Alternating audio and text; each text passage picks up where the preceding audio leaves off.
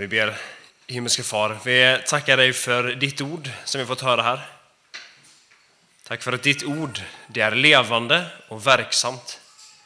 Och det är skarpare än något tvegat svärd. Och det står också om att ditt ord är som eld. Och att ditt ord är som det som krossar klippan. Ditt ord det är liv. Men det är också ett svärd. Och jag ber om att vi kunde få ställa oss öppna inför ditt ord och att du genom din heliga Ande kunde få uppenbara detta för oss. Och du ser det som du har lagt på mitt hjärta. Jag ber om att jag också kunde få dela det vidare och att vi kunde få ta emot det.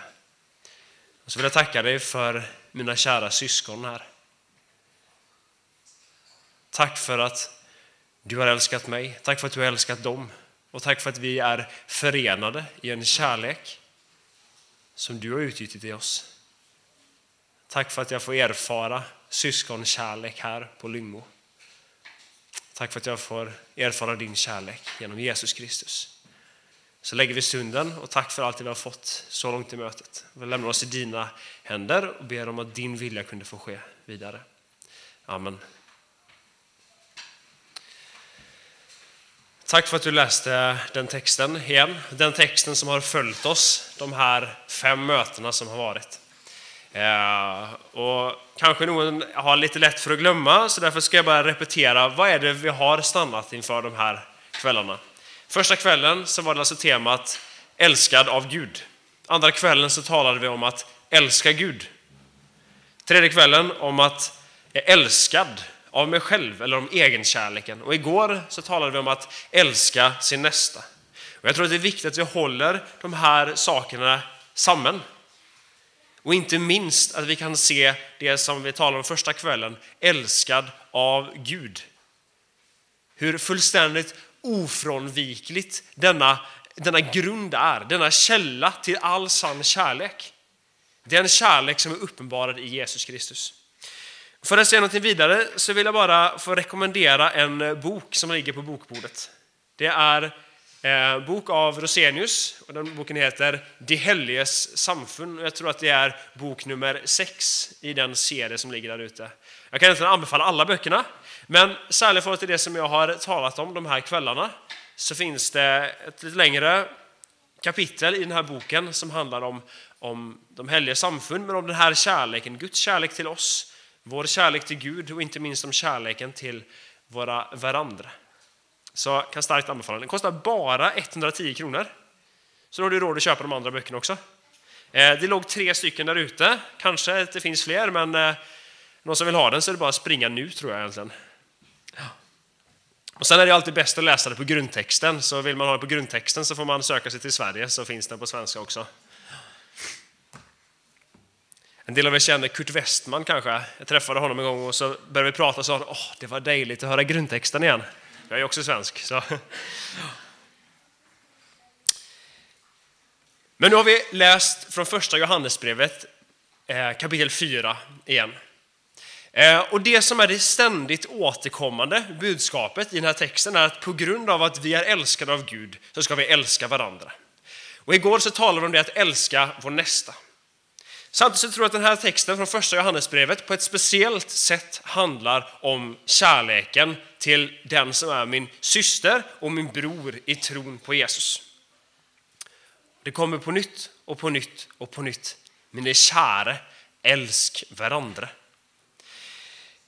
Men det som jag ska säga idag, då vill jag först ta en utgångspunkt i Johannesevangeliet kapitel 17.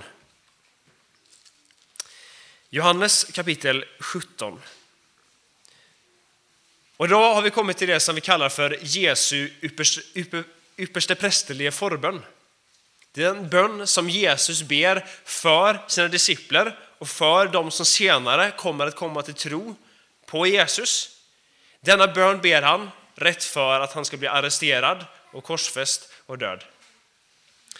Eh, och då ska vi läsa från Johannes evangeliet kapitel 17 och från vers 20 till 23. Johannes 17, 20 till 23. Jag ber icke bara för disse, men också för dem som vid deras ord kommer till tro på mig. Att de alla må vara ett. Lika som du, far, i mig och jag i dig. Att alltså de må vara ett i oss. För att världen ska tro att du har utsänt mig. Och den härlighet som du har gett mig har jag gett dem. För att de ska vara ett. Lika som vi är ett. Jag i dem och du i mig. För att de fullkomligt ska vara gjort till ett. För att världen kan känna att du har utsänt mig och älskat dem, lika som du har älskat mig. Det avsnitt som vi läser nu så är det en bön som går igen flera, flera gånger. Det är bönen om att Jesu discipler de ska vara ett. Eller kristen enhet. Och när vi talar om det att vi som kristna ska vara ett, eller kristen enhet, så vet inte jag riktigt vad det är för tankar som dyker upp i ditt huvud. Är du lite lej? Ah, ska vi snacka om det igen? Det kan vi. Eller tänker du, det där med att vara ett, kristen enhet och sånt, nej det där det är faktiskt inte så viktigt. Det är väl lite lej av. Så det har vi egentligen bara, ah, ja, det hoppar vi över. Eller vad tänker du egentligen om, om kristen enhet? Och så har vi kanske en sån bild av att kristen enhet, det handlar bara om att vi egentligen ska liksom fjärna alla de olikheter som vi tänker i förhållande till lärarspörsmål. Det är inte så viktigt. Och så är poängen att vi ska leja en stor fotbollsstadion efter att VM är färdig selvfølgelig. Och så ska vi ha ett stort massmöte där. Det är kristen enhet. Och så tänker vi att ja, men är det kanske är så viktigt och, och så. Och så har vi kanske många olika tankar om kristen enhet. Och så har vi kanske egentligen inte någon som helst riktig tanke om kristen enhet. Kristen enhet. Förbilden på den kristna enheten, den är i Gud själv. Jesus ber om att disciplerna de ska vara ett. På samma måte som Gud är en. Och på samma sätt som Jesus älskar Fadern, Fadern älskar Sonen. På samma sätt som den helige härliggör Jesus. Tänk när Jesus blir döpt och så hör vi stämmen från himmelen. Detta är min älskade son, i dig hör mitt välbehag. Jesus är på knä i Getsemane och säger Far, se inte min vilja men se din vilja. Det är en enhet. Fader, Son, Helion. Tre i en. Det är modellen. På samma måte som Gud är ett, så ska vi kristna vara ett. Men är det så viktigt med kristen enhet egentligen? Var, var, varför, varför pratar vi om det? Varför är det poäng att ha det som ett tema nu? Jo, för det första för att det står i Guds ord. Jesus sa, ni ska vara ett. Därför är det viktigt att tala om det. Men, jag vet inte om du har lagt märke till det, men vad är begrundelsen för att Jesus ber så innerligt till sin far? Jag ber om att mina discipler ska vara ett. Varför? Se vers 21. Att de alla må vara ett, lika som du far i mig och jag i dig. Alltså, det må vara ett i oss. Och så kommer det,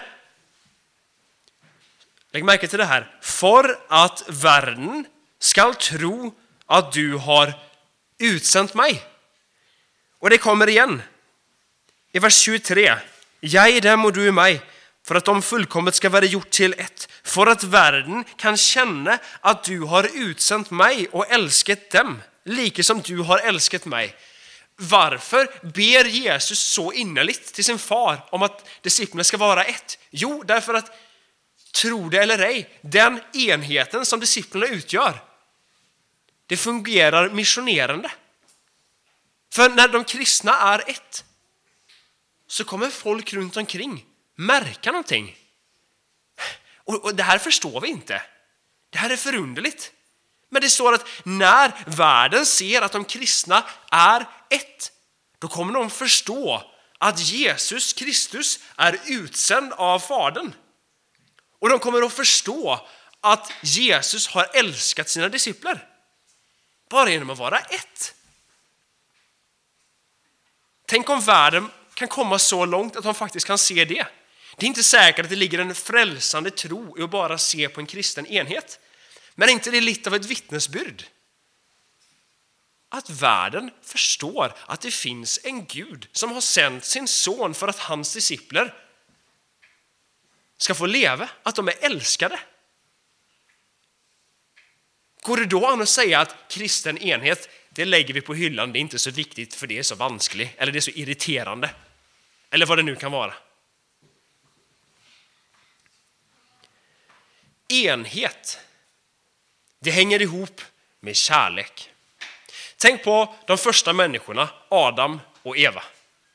Vad säger Gud om mannen? Jo, mannen han ska förlata sin far och sin mor och hålla sig till sin kone. De ska vara ett Körd. Enhet förutsätter kärlighet. Och också i den treenige guden så är det kärlighet. En gudomlig, ren, helig kärlighet. Johannes kapitel 13 så står det så här. Johannes 13 från vers 34 och 35.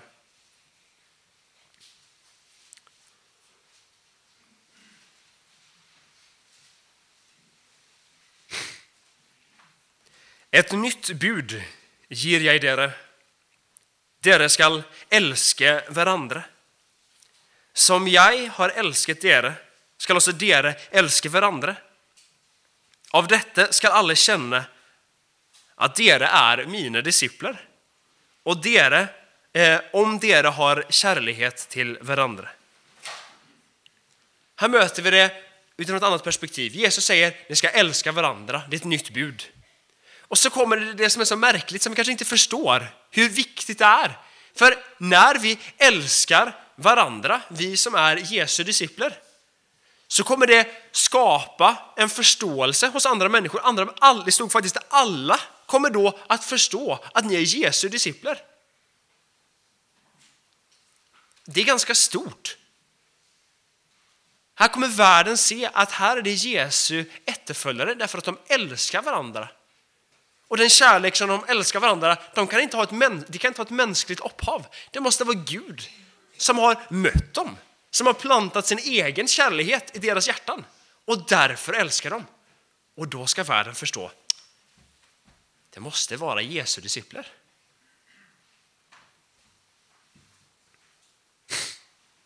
Igår talade vi om detta att vi ska älska våra nästa. Vi kallar det till att älska vår nästa, älska vår nästa som oss själva. Samtidigt så talar också Bibeln om att den kärlek som vi ska ha till våra syskon i tron på Jesus, det är också en, det är något speciellt.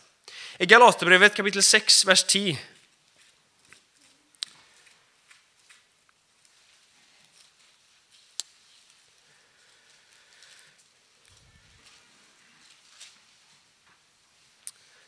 så skriver Paulus, Galaterbrevet 6.10. La oss därför, mens vi har tid, göra det gode mot alla, men mest mot troens egna folk. Här indikerar också att tiden kan rinna ut. Så mens vi har tid, det betyder alltså nu. Där du sitter akkurat nu. Tänk inte att det här är ett budskap som gäller för dig om en viss bestämd tid. Men det är ett budskap som gäller från och med nu, för nu har du tid. Du vet inte om du har tid imorgon. Och så är vi kallade till att älska vår nästa. Men speciellt, inte på bekostning av vår nästa, men vi ska likväl speciellt älska den som är vårt syskon i tron.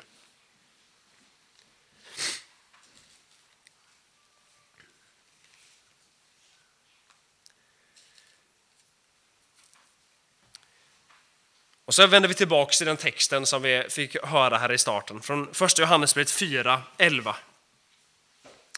Ehm, vi har stannat inför flera viktiga vers här, men i vers 11 så står det Mine kär, har Gud älskat oss slik? Vadå slik? Det var det som stod i verserna för. För detta blir Guds kärlek uppenbart för oss, att Gud sände sin son för att vi ska få leva. Inte att vi har älskat Gud, men att han älskade oss först och sände sin son för att försona våran synd. Slik älskat Gud. Och så står det alltså i vers 11, Mina kära, har Gud älskat oss slik? Då skyller också vi och älskar varandra.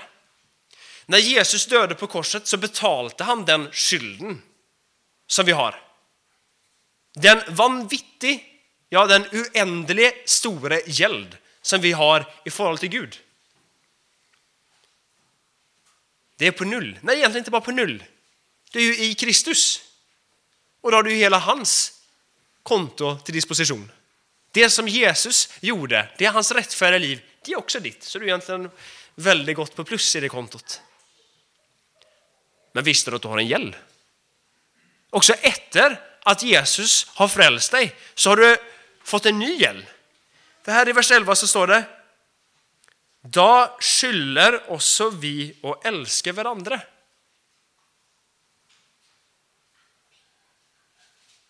Frälst av nåde med tro på Jesus Kristus. Är inte det fantastiskt? Han betalade det du skulle betala. Men det sätter också in dig i en ny situation. Vi som är bröder och systrar i tron, vi är faktiskt skyldiga. Det är inte bara en bonus att du ska älska din syster och din bror i tron. Men du står faktiskt ihjäl, för du har fått ta emot så mycket nåde och kärlighet och tillgivelse och godhet från himmelens och jordens skapare att du har ihjäl.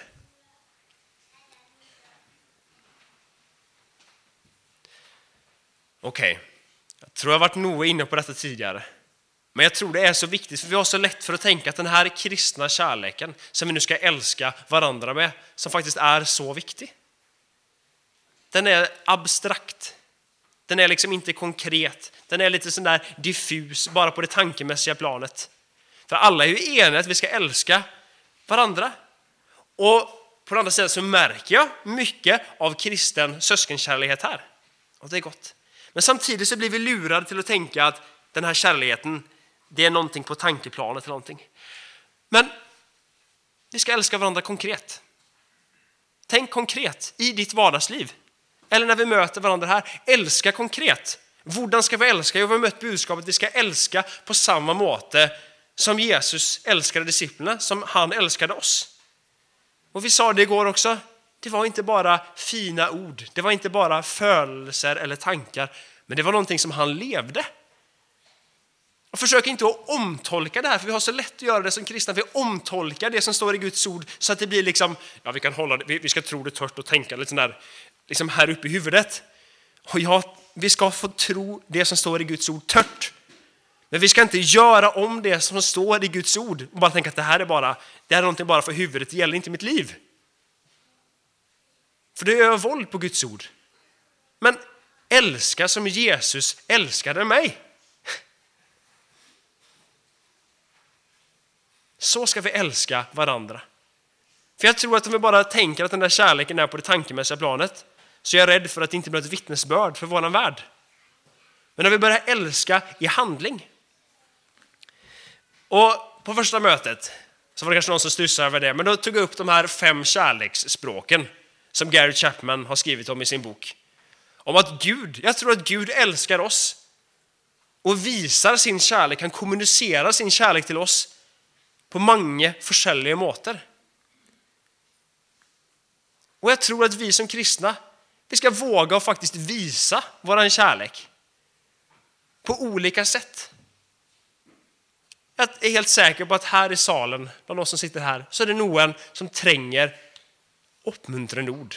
För det första så tränger vi uppmuntrande ord om det som har med Guds ord att göra. Vi tränger någon som faktiskt, jag husker, jag husker första gången jag fick ett bibelvers tillsänt på telefonen av en, en kamrat. Det var första gången i mitt liv som jag fick en sån bibelvers. Jag blev, helt, jag blev så skraj, för jag tänkte att nu hade han fått en uppenbaring från Gud om att nu, nu var jag på väg och liksom, jag var helt borta. Jag tror inte det var så, men han ville ge mig ett uppmuntrande ord. Han sände mig ett bibelvers. Josef, här, varsågod De att uppmuntra varandra med ord. Tänk inte bara, säg det. Men jag tror också att kärlek, det handlar inte bara om att visa till Guds ord, det handlar också rent mänskligt. Ge varandra komplimanger. Säg tusen tack för att det var du som ordnade kaffematen efter mötet. Uppmuntra, uppmuntra i tjänste. Or. Eller tid. Sätt av tid till att möta din broder och syster. Det är viktigt. Eller med gaver. Det är en måte att förmedla kärlek på. Vi som kristna kallar till att älska varandra. Kanske till någon som tränger en gave. Kanske någon som, som du känner som vet att du har det tufft. Okej, okay, då drar du dit bort och så hänger du ett nybakt bröd på dörren. Ja, det behöver inte vara så avancerat. Och så kanske du lägger ner lite bibelvers. Eller säger bara Jag är glad dig att du älskar av Gud och jag ber för dig. Här har du lite bröd. En gave. Men det är, det är kärlek i praktiken. Varför? För Jesus älskat mig först. Han är livets bröd. Ja. Eller tjänster. Jag ska fortälla om en god vän. Han är ganska mycket äldre än mig, lite osäker på, och det är alltid dumt att gätta ålder. Men han är från eh, Irland. Ehm, och han, eh, han, har, han är egentligen en vän till mina svigerföräldrar och till min kones familj. Men eh, jag kan få säga att han har fått bli min vän också. Och han visar, det är få som jag kan uppleva så mycket Kristuskärlighet i som genom honom. Och en måte som han gör det på, det är att han, han är bilmekaniker. Han skruvar på alla sina vänners bilar. Och han gör det och han sätter av mycket tid till det och så säger, har jag sagt många gånger, men du Tony, jag måste få betala för det här. Så, nej, du får inte ta den välsignelsen ifrån mig och hjälpa ett sösken. Jesus har älskat mig så, jag älskar dig. Och så får jag skruv på din bil. Och säger ja du kan betala delarna men jag ska göra jobbet. Eller, vet du vad jag ska göra jobbet för levererar, leverar du in den på verkstad så kommer det kosta mycket mer än det hela bilen är värd. Men jag vill göra det för dig. Och han skrur och han skrur och han skrur. Eller när man möter honom. Så kommer han och så ger han den där riktigt hårda kramen, en skicklig kläm. Och så är han från Irland då, så då får man en puss på kinden också. Och det är sån här, okej, okay. det känns inte helt naturligt kanske. Men han ger mig en fysisk kontakt. Och så säger han Josef, oh, det var gott att se dig. Så är det en man som kan det här med kärleksspråken, så är det han, det är fysisk kontakt, det är tjänster och anerkännande ord. Och han brukar av sin tid. Och så vet jag att han kommunicerar Kristuskärlighet, för jag vet att han lever med Gud. Och han säger så tydligt, jag gör detta för att Gud älskade mig först. Som jag sagt till många, det finns ingen som jag upplever vittnar så mycket om Jesus kärlek i sitt liv som han. Han är ett, ett, ett vandrande vittnesbörd om att han har fått möta Gud.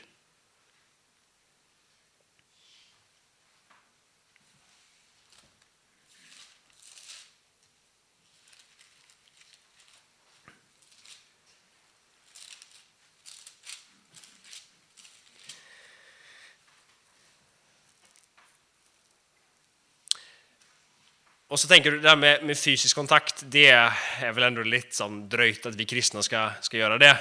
Tänk på Paulus när han skriver till sina menigheter, så skriver han hils varandra med ett helgkyss.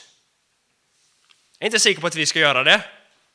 Och jag är inte säker på hur vi ska tänka om det med fysisk kontakt. Men jag tror på någon måte att lägga en, en klapp, på en, en, en hand på en skuldra. Eller, där det passar sig, ge en kläm. Selvfølgelig så handlar det om ja, är man man, är man kvinna och hur är det? Och man, här ska man inte gå över några gränser. Men vis kärlighet mot varandra. Inte bara upp i huvudet, men det är i ord och handling. På samma måte som Jesus älskade oss. Det är ett vittnesbyrd för världen. Och på den andra sidan, jag tror att på samma sätt som vi behöver få ta emot Guds kärlek och Guds nåd, han har visat det genom Jesus Kristus och vill ge oss nåd och tillgivelse, så är det någonting som vi tränger att ta emot. Och jag tror att det är någonting som vi som kristna behöver faktiskt öva oss på, att när vi får möta kärlighet från våra syskon, att vi tar emot det. För vi är så stolta. Och jag vet själv hur det är, och kanske speciellt i perioder vi har haft det tufft. Så säger folk, vet du vad, om ni tränger hjälp, bara, bara sänd en signal. Jag vill komma och hjälpa, jag vill passa barnen eller jag kan göra ditt eller datt. Så tillbyr de sig och visar kärlighet och hjälpa. Och så säger vi, ja tusen tack, men har vi, har vi tagit emot den hjälpen någon gång? Nej, det är väldigt, väldigt få gånger. Det ska vara som att halva jorden håller på att gå under. Vi är dödssjuka, ja då kanske vi säger ja till hjälp. Men hur ska vi kunna visa kärlek mot varandra som kristna om vi inte vill aldrig ta emot det? Vis kärlek, ta emot kärlek. Det är ett vittnesbörd för världen. Det, det är ingenting som jag har kommit på, men det står i Guds ord. Och hela drivkraften till detta är att vi lever nära Jesus. Att vi tar emot hans nåd och tillgivelse. Men vad med dem då som, eh, som det är lite vanskligt med? De kristna som vi syns att de är helt på bärtur. De tänker så fel. Och inte minst, vad har de gjort mot mig? Rosenius skriver någonting om det här. Han skriver så här, kort sagt. Kärleken kan aldrig bestå om du inte vill älska andra än felfria bröder. Det är inte din brors fel du ska älska. De ska du varna honom ifrån. Men honom själv ska du visa broderlig kärlek. Som det stod i starten. Kärleken den kan aldrig bestå, den kan aldrig bli värande om du inte vill älska andra än de som är felfria. Om du tänker att den kristne som tänker akkurat som dig, som är lika präktig som dig själv, du tror att du är väldigt präktig i vart fall. Det är bara den som du ska älska. Då har du ingen du kan älska.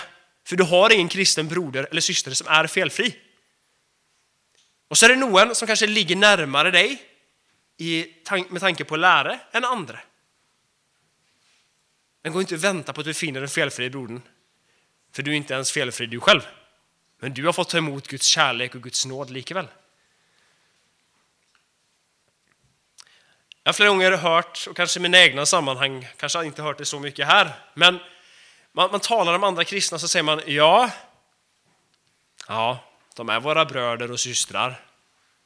Men, eller ja, de är nog frälsta, men eh, det är inte mycket mer än det alltså. Och så kommer det där männet som gör att det som egentligen först har sagt, de är frälsta, de är i Kristus Jesus. De äger Guds rättfärdighet. Och så kommer männet. Men så är de egentligen inte det. Och så är de egentligen inte värd vår kärlek. Och så är de egentligen inte min bror eller syster. Jag sa, ja de är min bror och syster, men... Ah.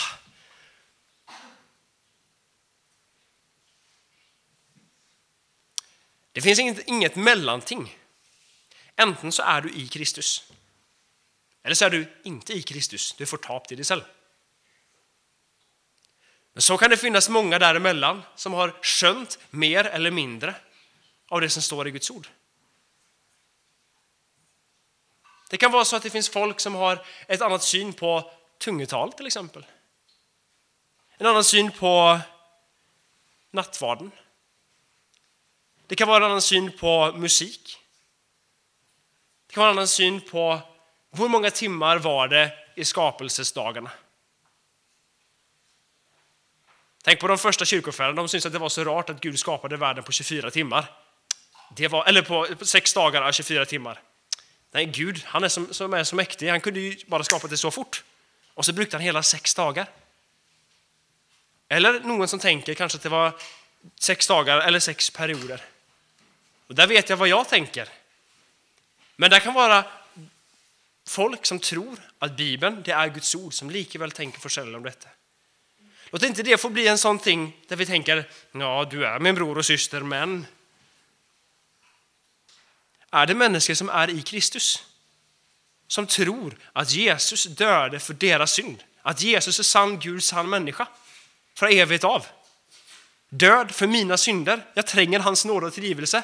Ja, då är det din bror och syster.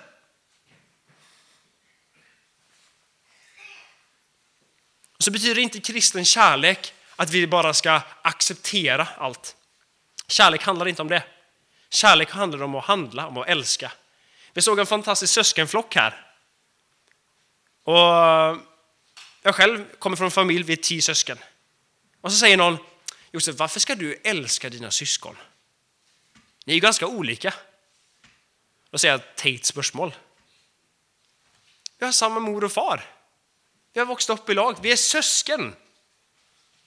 Ja, ja, men du har ju en syster som tänker så, och du har en bror som tänker så, och så vidare och så vidare. Ja, men vi har samma far och mor. Det är samma blod som flyter i våra ådror.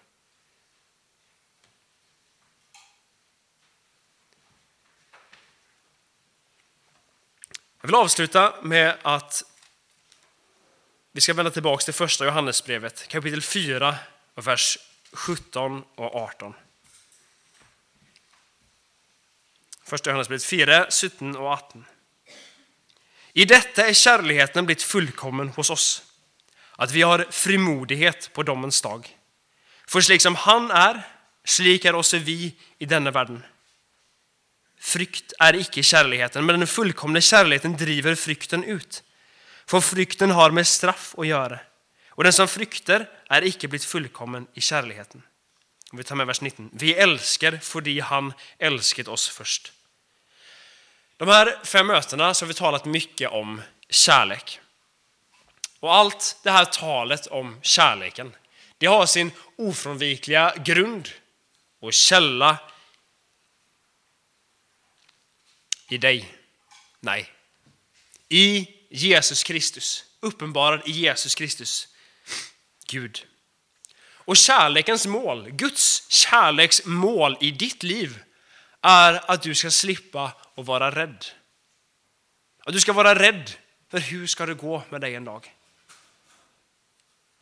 Hur ska det gå med dig på domens dag när du står inför Guds tron? Du kanske är den som inte känner att du har en visshet. Du vet att du att tror på Jesus, men likväl så är du rädd. Guds mål med sin kärlek är att du inte ska behöva vara rädd, men att du tvärtom ska ha, få ha frimodighet. Att du med glädje ska kunna se fram emot att ja, jag vet Jesus kommer tillbaka en dag. Eller jag kommer att dö, men jag ska snart. Jesus säger, se jag kommer snart. Jag ska få möta Jesus. Och då, då behöver jag inte stå där och bita på naglarna. Eller svettas om mina händer. Jag behöver inte vara rädd. För jag har blivit mött av en kärlek som har fått övertyga mig. Jesus tog hela straffet, inte bara delar av straffet. Han ville inte att jag skulle leva lite grann, men leva i evighet. Och så får jag stå där med frimodighet. Och så stod det För slik som han är, slik är också vi denna världen. Akkurat nu är Jesus i himmelen med Faderns högra sida ren fullkomlig. Han talar vår sak. Och på samma sätt är vi i denna världen. Redan nu så är vi rena och rättfärdiga. Vi är himmelen värdiga för vi är i Jesus Kristus. För vi har fått möta Guds oändligt stora kärlek. Och då står vi välbehagliga inför Gud. Och så kan Gud säga till mig, till dig och till mig, du är min son eller min dotter. Du är min älskade mitt älskade barn, i dig har jag välbehag i. Så när Bibeln talar om det, och det vi har talat om de här dagarna, så tror jag vi får instämma det som vi möter flera gånger här. Gud är kärlek. Amen.